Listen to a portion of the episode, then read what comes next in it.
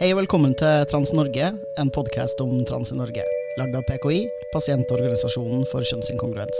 Jeg heter Luka Dalen Espeseth, og i dag har jeg med meg Alexander Sørli.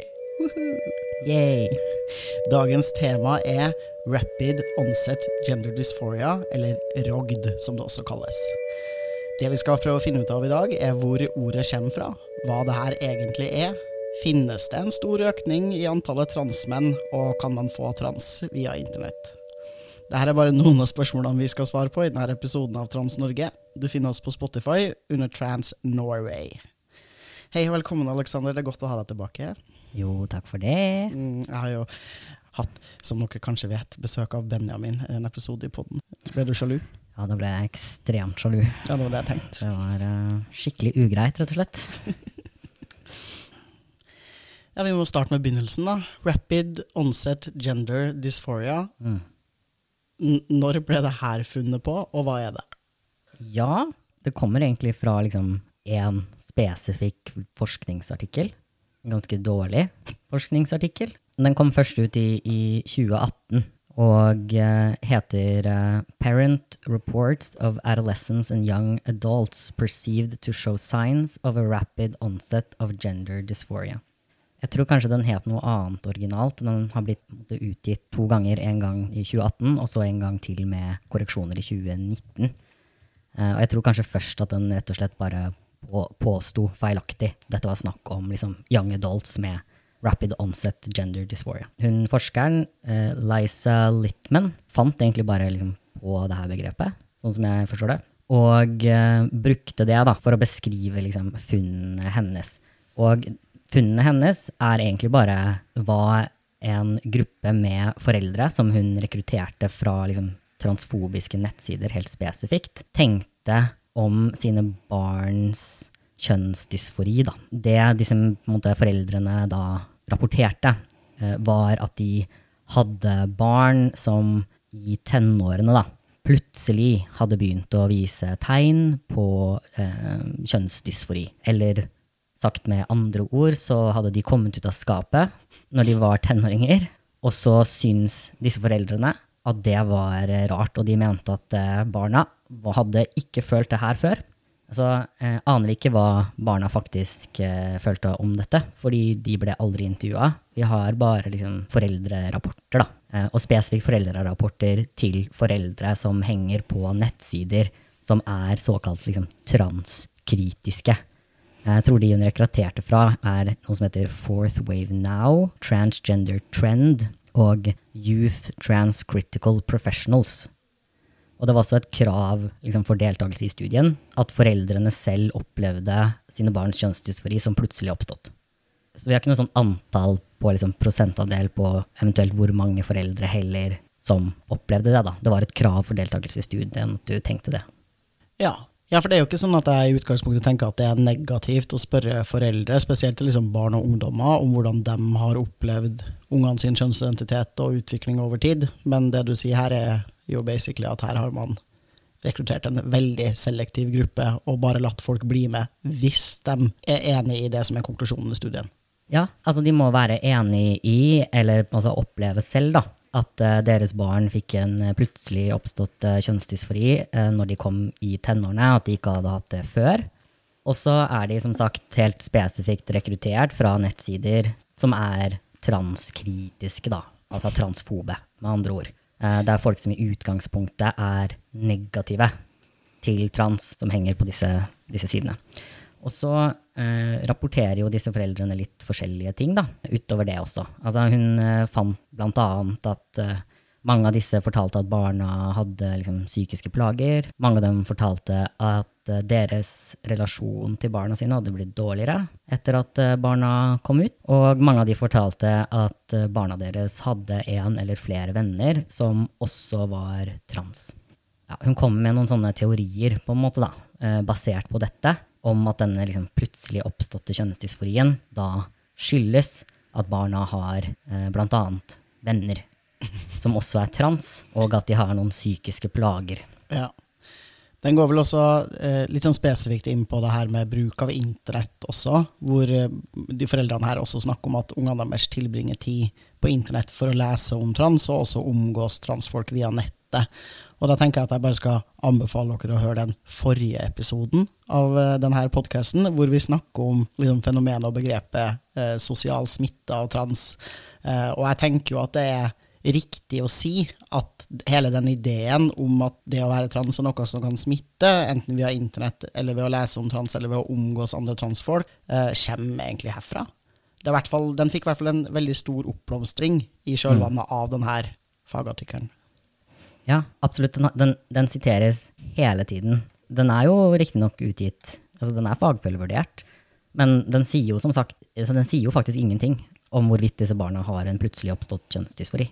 Altså dette er rett og slett bare foreldrenes egne følelser og tanker rundt uh, hvordan barna opplever det. Og hvordan barna faktisk opplever det, det aner vi ikke. Fordi det er som sagt, altså det er uh, ikke utforsket på noen som helst måte.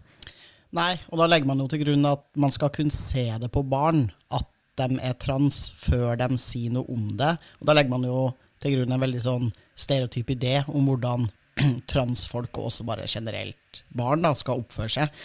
I tillegg så er det jo ikke noe vanskelig å liksom lyve om eller ha en idé om at ditt barn har aldri uttrykt noe sånt her, selv om veldig mange av de ungene her kanskje også har det, gjennom atferd eller språk eller ting de har sagt tidligere. Mm. I tillegg så er det jo den liksom, hysterisk artige, syns jeg, da, ideen om at hvis du antar da, at ungen din er hetero og cis, så vil du jo tenke at de er det, fram til den dagen hvor de plutselig, veldig plutselig, forteller deg noe annet. Ja, ja. Og hvis man på en måte går litt bort fra bare den her originale artikkelen, da, og til liksom hvordan det her har blitt forstått og brukt etterpå, enten man bruker det her begrepet eller ikke, så har vi jo definitivt fått en sånn her kulturell forståelse av at det nå er liksom en hel haug da, tenåringsjenter som ikke var trans før de liksom kom i puberteten, og hvor det da plutselig slo inn, og hvor det kom som et resultat av ja, kontakt da, med transfolk, eh, eller av å se på media mm. med transfolk i. Ja, eh, det, det, som jeg syns er interessant med det, da, er jo at veldig ofte så syns jeg jo faktisk at de virker som at de beskriver ting som virker som de kan ha vært tegn på det. For eksempel så er det jo ganske vanlig også å si at og, og, alle disse tenåringsjentene, det er jo også åpenbart de som ellers ville vært sånn butche lesber. Mm. Sånn, de er sykt maskuline, og de liksom liker kvinner, og de gjør alle disse tingene Altså, de bryter med kjønnsstereotypier og bla, bla, bla. Og derfor er det veldig problematisk. Man tenker at uh, de liksom bare gir etter til, til, disse kjønnsstereotypiene. På den motsatte siden av de så har du de folka hvor uh, man sier at å, men de er så feminine, og de var heterofile, og ja, det var liksom ingenting jeg kunne se. Og da er det i så fall måte, plutselig oppstått og liksom særs problematisk. Men i det første tilfellet så høres det definitivt ut som de jo faktisk mener at det liksom har vært noen tegn, da. I ja. den grad det kan være tegn på at noen er trans. Ja, jeg tenker jo selvfølgelig transfolk kan være i varierende grad feminin og maskulin, men du kan ikke bare påstå at det ikke er tegn, eller hadde vært en plausibel ting å tenke at noen kanskje kan også ha følelser rundt kjønnsidentiteten sin, hvis de som barn, da, og antatt jenter, har oppført seg veldig maskulint og vært tiltrukket av jenter. Altså, mm. Det er noe som både maskuline lesbiske kvinner kan gjøre, men også relativt maskuline heterofile transfolk, altså transmenn. da. Sure. Ja. Og så tror jeg også at de fleste faktisk ville kunne forstå f.eks. For det å ha en del psykiske plager som ikke er så lett forklart, da, for eksempel eh, som noe som kan forklares av at man har kjønnsdysfori, eh, heller enn på en måte å være en sånn Dette er årsaken til at de får kjønnsdysfori. Ja, det er veldig artig. Og det samme med når de her foreldrene beskriver liksom ha en dårlig relasjon til ungene sine, som om trans har ødelagt barna deres. Hvor jeg blir litt sånn, Men hvis du er en forelder som henger på nettsteder som er såkalt transkritisk, da, eller transfob, og det du gjør på fritida, er å feilskjønne ungene dine prøve å få dem til å ikke være på internett eller snakke med andre transfolk, og generelt snakke kritisk og nedsettende om transpersoner, så er det jo ikke så rart hvis din relasjon til ditt barn blir litt dårligere. Nei, det er veldig rart, det der.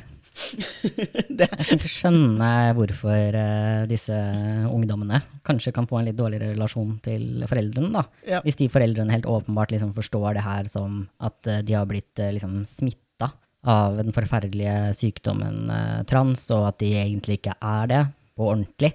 At det finnes noen sånne ekte transseksuelle, men de er i alle fall ikke det. Altså, det er klart at hvis du blir møtt med den der typen eh, retorikk da, fra foreldrene dine, så er jo det noe som jeg tror at de aller, aller fleste da, ville opplevd som ja, kjipt, og noe du ikke har lyst til å bare henge rundt og være med hele tiden. ja. Åh, Ja. Men, men ja, den, den forteller oss i hvert fall ingenting som egentlig er sånn veldig interessant, eh, eller på en måte som man, man ikke egentlig litt sånn kunne gjettet seg til, da. Men ja, det, altså den, hvert fall, denne studien da, som det her begrepet blir tatt fra, og som blir sitert igjen og igjen og igjen, typ ikke eh, kan fortelle oss, er jo at det her er et faktisk fenomen. Altså, vi aner ingenting om hvorvidt de her ungdommene faktisk eh, en gang opplevde da, at denne eh, kjønnsdysforien deres var liksom plutselig oppstått. Det er jo et rent subjektivt eh, Det er en subjektiv størrelse, da. Og uten å spørre ungdommene sjæl, så har vi ingen måte å vite om det er tilfellet på. Nei, og det hadde jo selvfølgelig vært interessant å vite. Og så på samme tid så tenker jeg altså hvordan, hvordan oppstår en transidentitet gradvis versus veldig raskt? Og har man grunn til å tro at hvis du på relativt kort tid da, gikk fra å tenke at du var sist og tenke at du er trans, at det er mindre sjanse for at du faktisk er trans da? Ja, jeg, jeg tror jo kanskje folk tenker det, da. Og så tror jeg folk har lyst til å ha en sånn idé om at trans er liksom noe man kan se i et barn fra de er bitte, bitte små, og som det barnet liksom alltid klarer å sette ord på perfekt, da. Fra de er liksom to år gamle. Det lurer jeg på om liksom handler litt om en sånn her frykt for å få et transkjønna barn. At folk har litt lyst til å se for seg at liksom, hvis kiden min ikke liksom har alle disse liksom problemene, eller sånn, det de anser som problemer, da, ikke er liksom veldig kjønnsoverskridende, eller ikke gir liksom uttrykk for kjønnsinkongruens i en veldig tidlig alder, så er sikkert ikke barnet mitt kjønnsinkongruent. da. Ja, så da kan du liksom Å, nå har ungen blitt fem år og fortsatt ikke tatt på seg en kjole. Vi er trygge. Ja. Nei, jeg veit ikke. Nei, jeg, jeg vet heller ikke. Jeg kan ikke helt se for meg liksom, hvorfor ellers man skulle være så opptatt av det. da. Men jeg tenker en annen ting som kan være verdt å si her, da, er jo at det er ganske vanlig eh, at folk forstår at de er trans først når de kommer i puberteten. Altså Det er et veldig veldig velkjent greie, og det har vært det liksom sjukt lenge. Liksom majoriteten av liksom henvisninger til uh, f.eks. NBTS og den typen tjenester over hele verden har jo primært vært fra voksne mennesker eller personer som er i tenårene. Ja. Uh, og det er jo en grunn til det. Altså, når du kommer i puberteten også, så er det klart at alle disse kjønnstrekkene blir jo veldig mye tydeligere. Kroppen din endrer seg. Vi er mye mer androgyne som barn enn vi er som eh, tenåringer. Og verden blir også liksom mer synlig kjønna for deg. Og du får tilgang til informasjon selv, da, som ikke er liksom alltid filtrert gjennom foreldrene dine eller læreren eller voksne i livet ditt. Ja, og så utvikler du jo stadig mer en evne til å uttrykke hva behovene dine, ønskene dine og tankene dine er. Eh, og du kan også på et tidspunkt klare å kontakte helse- og hjelpeapparatet uten at det må gå gjennom foreldrene dine. Mm. Nei, og du har jo akkurat det samme med seksualitet. Altså, du kan jo bare se på når er det folk pleier å komme ut av skapet som homo, liksom. Noen gjør jo det når de er liksom seks år gamle, men uh, de aller fleste kommer jo ut som tenåringer eller som voksne. Uh, og noen folk, de har liksom følt veldig tydelig fra de var bitte, bitte små. De vet hvilket kjønn de forelsker seg i, det har alltid vært tydelig for dem, og det handler bare om når de kommer og forteller denne tingen. For andre så er det mer utydelig Ja. Så er det kanskje noe som ikke kommer, eller som de klarer å sette ord på, eller forstå, eller kjenne ordentlig, liksom før de er eh, ja, tenåringer, eller i noen tilfeller også voksne, da. Ja, men da, man hører jo stadig vekk om folk som liksom forelsker seg i noen av samme kjønn i en alder av 45, og bare er sånn Oi, der visste ikke jeg at jeg hadde potensial til å gjøre. Vi må bare anerkjenne da, at folk kan innse ting om seg selv på forskjellige tidspunkt i livet, og at tenåra er et tidspunkt hvor det er vanlig å innse ting om seg selv, og Ja. finne ut av hvem man er.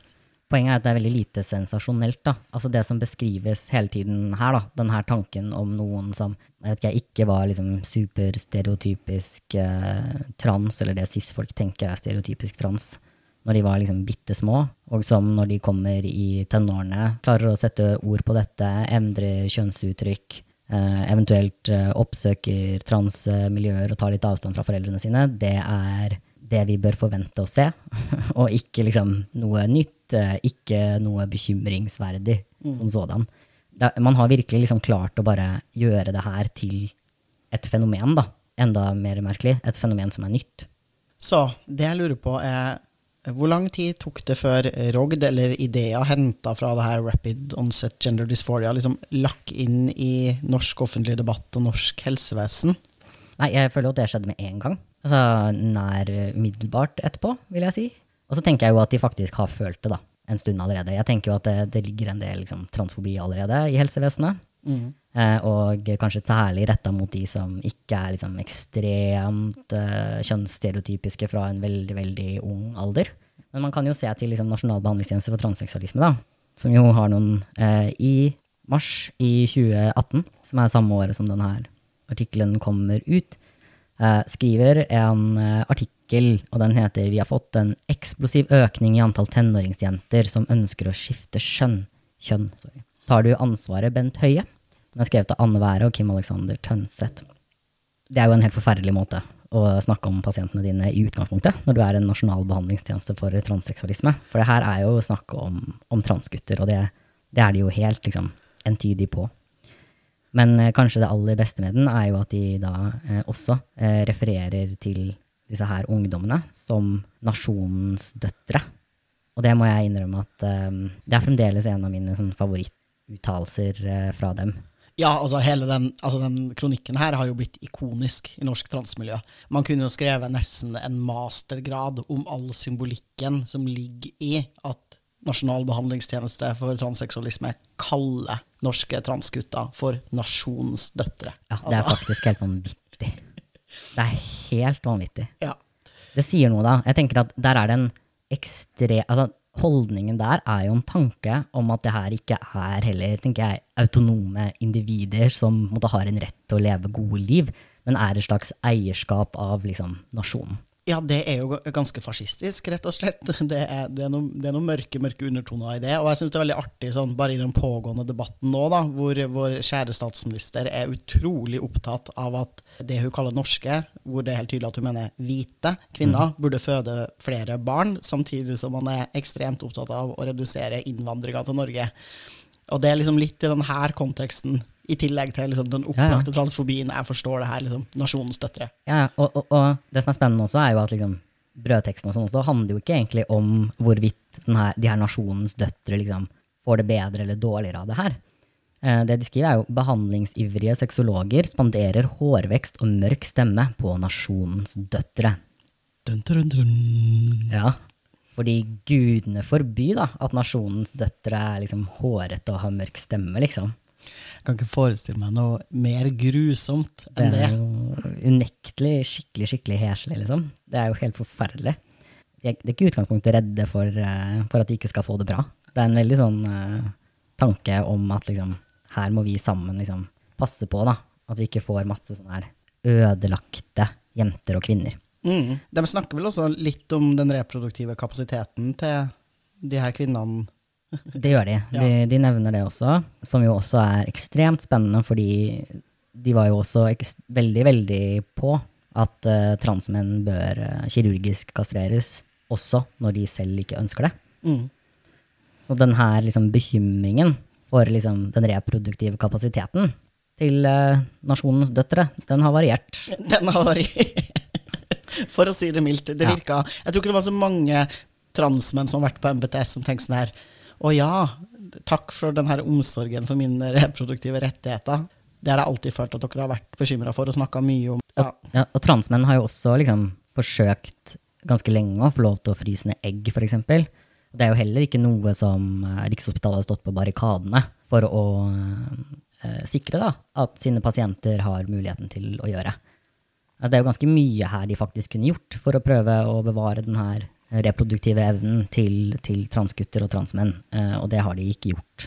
Nei, altså det er helt opplagt at hvis Rikshospitalet tydelig hadde sagt fra til norske myndigheter før 2016 om at det å kastrere transfolk for å endre juridisk skjønn er et unødvendig krav som ikke har noen medisinsk begrunnelse, og at det burde endres, så hadde jo norske politikere lytta til det. Og de hadde lytta til det hvis den behandlingstjenesten sa det her er en pasientgruppe som burde eller få mulighet til å fryse ned både sæd og egg, og det er viktig, liksom. Ja, det tror jeg også. Definitivt hadde vært tilfellet. Og jeg- kan jeg ikke nevnte det liksom innledningsvis, men en av da liksom funnene i den her um, ROGD-rapporten også, var jo at uh, majoriteten av disse foreldrene, de hadde barn som hadde blitt tildelt et kvinnelig kjønn ved fødselen. Så det også er jo et aspekt ved det her liksom, eh, fenomenet. Og det er jo også det de er bekymra for her. De har jo absolutt ingen bekymring for, eh, for disse transjentene. Eh, og de nevnes jo knapt ikke, tror jeg, Jeg tror ikke i, i artikkelen. Og det snakkes også veldig lite om de, eh, når de uttaler seg i media på generell basis. Og da er det da, vi snakker om tenåringsjenter som flere år etter pubertetens start plutselig opplever å være gutt. Og at to av tre er plaget liksom, med en eller annen form for psykiske problemer. Kan vi ikke se litt sånn nærmere på, på det her, da? Både den her liksom, eksplosive økningen og den her kjønnsfordelingen. Ja, for i dag har nemlig jeg kosa meg inne i MBTS sin årsrapport for 2020. Det skal jo nevnes at uh, Jeg tror vi skal ha en episode til faktisk om årsrapportene til NBTS, men dem kan man altså lese på, på nettet. Det som er uh, fint med dem, er at man får en del informasjon og tall om hva slags behandling de gir og til hvem. Det som er eh, heller dårlig med dem, er at de bruker veldig merkelige kategorier som er liksom vanskelig å forstå, og så, og så loggfører de ikke samme type tall over tid. Sånn at det ene året kan det liksom stå sånn her totalt antall nyhenviste pasienter, mens man i neste år bare finner antallet konsultasjoner foretatt ved MBTS. Ja. Eh, Ja, ja. Det, jeg skulle til å si sånn, De kan du lese. De kan du prøve å lese.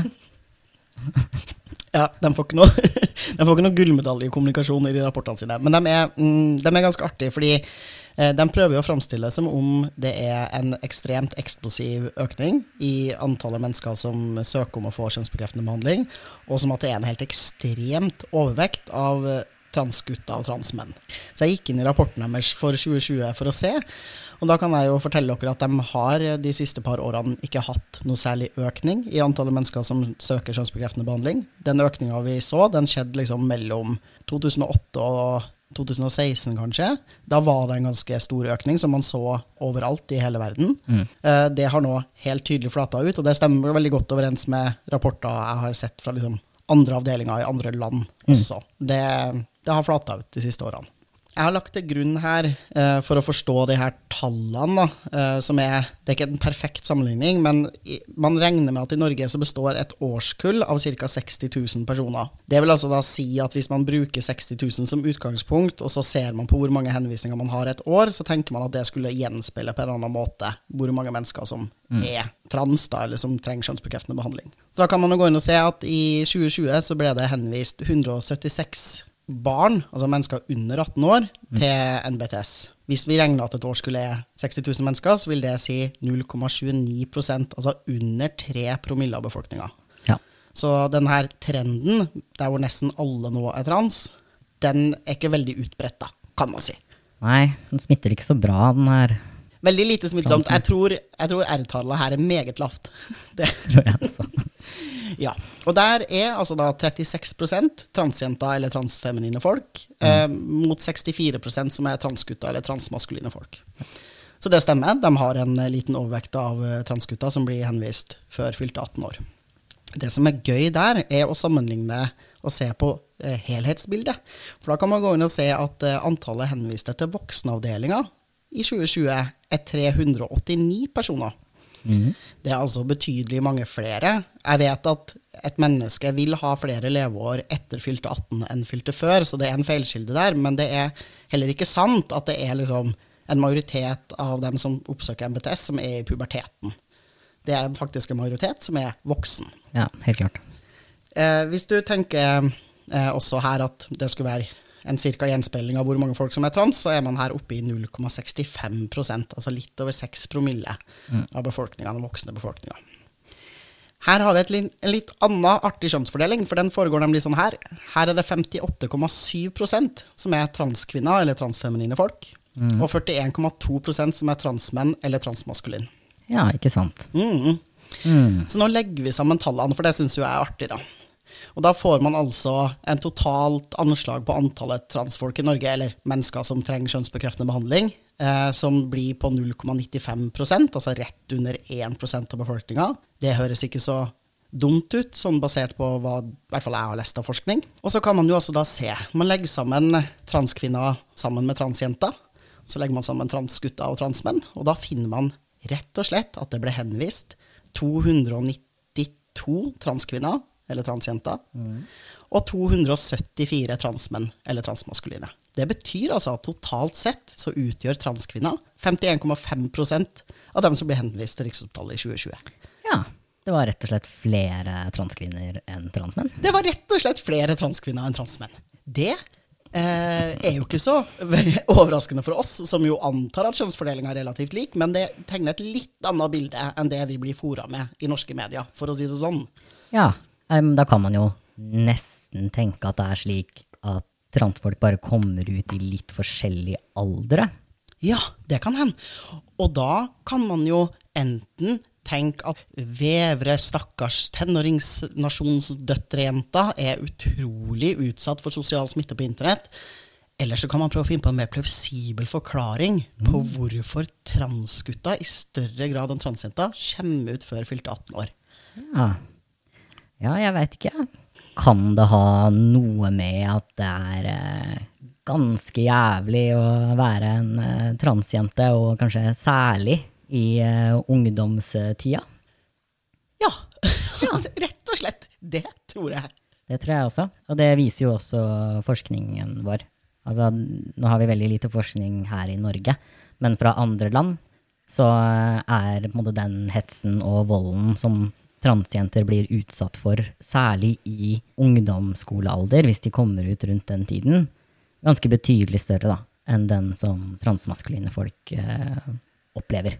Det er rett og slett et eh, større stigma da, knytta til det, og blir lest som liksom en gutt som skal gå i kjole og som skal bli jente, liksom. Den liksom, tanken om det er nok eh, Kommer nok med en del større sanksjoner for veldig, veldig mange i den alderen der. Ja, og jeg tenker at den hypotesen der virker veldig plausibel for meg, og jeg føler også at den underbygges av at hvis man bryter ned tallene på ungdommer, så, altså folk som blir henvist før de fyller 18 år, og ser på alder der, så ser man at nesten alle transjenter er veldig unge når de blir henvist.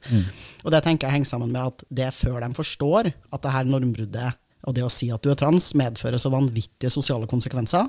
I tillegg så legger vi bedre merke til kjønnsoverskridende atferd hos barn med penis. Ja. Det er større sannsynlighet for at foreldrene dine rett og slett tar deg med til en kjønnsklinikk hvis du er et penisbarn som springer ut i kjole, enn hvis du er et vulvabarn som klatrer litt i trær. Nå gleder jeg meg veldig til at liksom, Tonje Gjevjan skal skrive en artikkel om hvordan vi mener at fra nå av så skal alle kalles vulvabarn og penisbarn. Ja, det var det vi sa. Det er eh, faktisk transagendaen. Mm, vi skal fjerne ordet sønn og datter. Nå må du si 'jeg er fødeforelderen til et vulvabarn'. Jeg elsker det der. Det er nydelig. Det er nydelig. Ja, det er en hel podkast-episode i seg selv. Vi skal, ikke, vi skal ikke gå nærmere inn på det, rett og slett. Men, men apropos liksom, eh, sånn, eh, den her eksplosive økningen av henvisninger, da. Eh, jeg sitter også her med liksom, eh, henvisningene til sånn Gender Identity Development Service i Storbritannia. Mm. Og vil du høre den liksom, massive økningen i antallet henvisninger? Ja, nå er jeg spent. De hadde fra året liksom, 2018-19 til året altså 2019-20. De har delt inn sånn.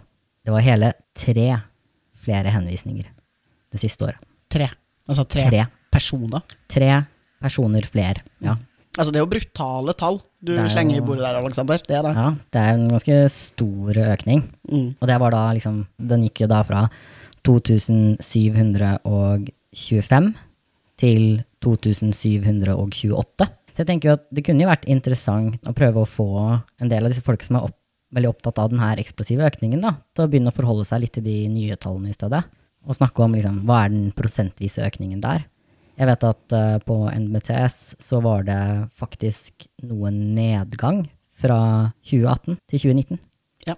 Nei, altså de, de, det de gjør da, når de ser at deres argumenter om eksplosiv økning ikke fungerer lenger, er jo at de bare drar starttidspunktet bakover i tid. Så nå er de sånn her Ja, nå ja, det er faktisk 2000 økning siden 1943. Så blir jeg sånn Ja, Det Det må vi på et eller annet tidspunkt få slippe å forholde oss til, liksom. Mm. Ja. Så, så hva er liksom vår teori, da? Fordi jeg tenker jo at alt dette her, det støtter jo ganske opp under det som på en måte transbevegelsen hele tiden har teoretisert, da, at det er tilfellet. Og det er jo egentlig bare at idet du får liksom en veldig tydelig økning i informasjon og aksept og måter for folk å få den informasjonen, bl.a. gjennom at sosiale medier blir mye mer tatt i bruk, så vil vi se en økning i antallet henvisninger og folk som kommer ut av eh, skapet, som kommer til å være ganske eksplosiv i noen år, og som etter hvert kommer til å begynne å flate seg ut rundt det vi tenker er liksom det reelle antallet av transfolk som hele tiden har eksistert i samfunnet. ja. Fordi hvis det er snakk om en form for sosial smitte, da, så bør, burde vi jo egentlig forvente å se en veldig betydelig økning, tenker jeg, fra 2018 til 2020. Definitivt. Det har vært mye mer synlighet for transfolk de siste to årene. Ja, og det er jo ekstremt påfallende da, at det har vært liksom betydelig større økning fra altså 2015 da, til 2017, for eksempel. Mm. Fordi de av oss som måtte holde på med media og sånn rundt den tiden, det, det var relativt lite, altså. Ja. Man snakket ganske lite om, om transfolk eh, i media, og det var også betydelig færre sosiale tiltak og tilbud, eh, og også færre måtte, sosiale møteplasser på nett. ja. Jeg tror vi har rett der, Aleksander. Ja, jeg tror også det. Ja. Så kan det jo også være verdt å nevne her da, at man jo også har liksom forsket litt på om folk er veldig forskjellige nå. Det var en studie, jeg tror det var Nederland, som gjorde det, eh, som har stått for eh, veldig mye forskning på det feltet her i utgangspunktet, eh, som prøvde å se om det var liksom en forskjell i for eksempel har de mer psykiske problemer enn før? Har de mer eller mindre kjønnsdysfori? Og på en måte historier og opplevelser. Er, er det her en gruppe da, som vi bør liksom anse som veldig forskjellig? De som henvises nå, sammenlignet med de som henvises før. Og deres konklusjon var at det ikke var det. De fant ingen eh, store forskjeller i verken psykiske problemer. Faktisk så hadde de noe bedre psykisk helse nå enn før. Men heller ikke noen forskjell i liksom, grad av kjønnsdysfori. Nei, altså, eh, jeg er ikke overraska over at eh, transfolk ser relativt like ut nå som det vi gjorde før. Jeg er selvfølgelig De sosiale forholdene rundt oss forandrer seg jo, sånn at f.eks. å ha noe bedre psykisk helse, hvis du har foreldre som er litt sånn moderne og progressive i 2021 versus transfobe foreldre i 1980, gir mening. Jeg tror til og med at alderen deres sånn i liksom prosentandel og sånn, fremdeles var ganske sånn likt fordelt, bare at det var flere. Og så var det en større andel som hadde blitt tildelt et kvinnelig kjønn ved fødselen. Men uh, disse forskerne konkluderer jo med akkurat det samme som oss. De mener bare at uh, det som har skjedd, er at det har vært liksom flere transfolk enn det vi originalt har tenkt. Og at uh, de transfolka som vi ikke har visst at eksisterte, men som hele tiden var der, de oppsøker nå helsevesenet i større grad. Mm. Ja, for det er jo unektelig verdt å nevne at det har vært en skjevfordeling på kjønn historisk sett, hvor det har vært vanvittig mange flere transkvinner som har oppsøkt eh, helsetilbudet før. da. Og det er det jo ingen som har problematisert eller tenkt at var helt krise. Nei, det, da var det jo ingen som så på det i det hele tatt. Som jo unektelig er eh, interessant, at man får den her liksom, moralske panikken når det er eh, snakk om transmenn. Mm. Men det har vi jo en ganske sånn lang historie for, tenker jeg, da. Man er jo veldig opptatt av å si verne om kvinner og barn Mm. som en sånn beskytt, beskytta gruppe, tenker jeg har nok alltid blitt brukt som et uh, argument for å diskriminere mot folk. Mm. Og at veldig mye av det vi ser nå også, er en sånn pushback mot det. Altså det er lettere å fremstille transgutter, altså når du, når du feilskjønner dem, da, Ja. uh, som måte fryktelig, fryktelig liksom sårbare og folk som må beskyttes, mens eh, transkvinner liksom er noen sånne her skumle overgripere. Definitivt. Og det er jo også en av grunnene, som vi har snakka om på Bodden før, for så vidt, til at man snakker veldig lite om transkvinner før de fyller 18 år, altså før de er voksen, fordi da vil de nødvendigvis også havne i den kategorien barn, som vi har empati og omsorg for og skal beskytte. Eh, Men all den tid transfobene er veldig opptatt av å framstille transkvinner som eh, predatory menn, så bare passer det ikke inn i narrativet deres. De bare snakker rett og slett ikke om transkvinner før de blir 18. Nei, Veldig, veldig lite. Mens eh, transmenn snakkes eh, stort sett bare om før de er 18. Ja. Men eh, det er i hvert fall det. Dette er ja, rapid onset gender dysphoria. Det er ikke en diagnose. Det er ikke et fenomen. Det er ingenting nytt. Og det er ikke bekymringsverdig. Nei, og det har også, bare for å nevne det, så har eh, VPAT, altså World Professional Association for Transgender Health, gått ut og liksom aktivt sagt at det her er et tøysebegrep som ikke har noe rot i virkeligheten, og ingen grunn til bekymring rundt at det kommer ut noe flere transtenåringer nå enn det det gjorde før. Ja, jeg tenker jo at det sier noe, da. At det her, denne studien allikevel på en måte siteres igjen og igjen. Eh, og da også til tross for at den jo ble republisert fordi den hadde metodologiske svakheter og feilfremstilte dataene sine ganske tydelig. At den fremdeles siteres såpass mye og brukes så mye, det sier noe om hvor lite forskning de faktisk har, da, som støtter opp under deres egen teori. Det er rett og slett sånn da, at liksom den, de sterkeste tallene de har, den sterkeste liksom, forskningen som støtter argumentet deres, det er en eh, rapport som eh, handlet om eh, foreldres tanker om sine barns kjønnsdysfori etter at de var rekruttert fra en nettside for transfober. Ja, ferdig. Ja. Ma- ferdig snakka. Tusen takk for at du var med oss i dag, Alexander Sørli. Jeg heter Luka Dalen Espseth. Takk til Martin Skjold for den nydelige Trans-Norge-musikken. Takk til Salam for at vi får låne utstyr til å ta opp denne podkasten. Følg Trans Norway på Spotify for å få alle episodene av Trans Norge. Spre ordet om podkasten hvis du liker den, og følg PKI på Facebook og Instagram. Og meld deg inn i PKI på nettsidene våre sjonsinkongruens.no.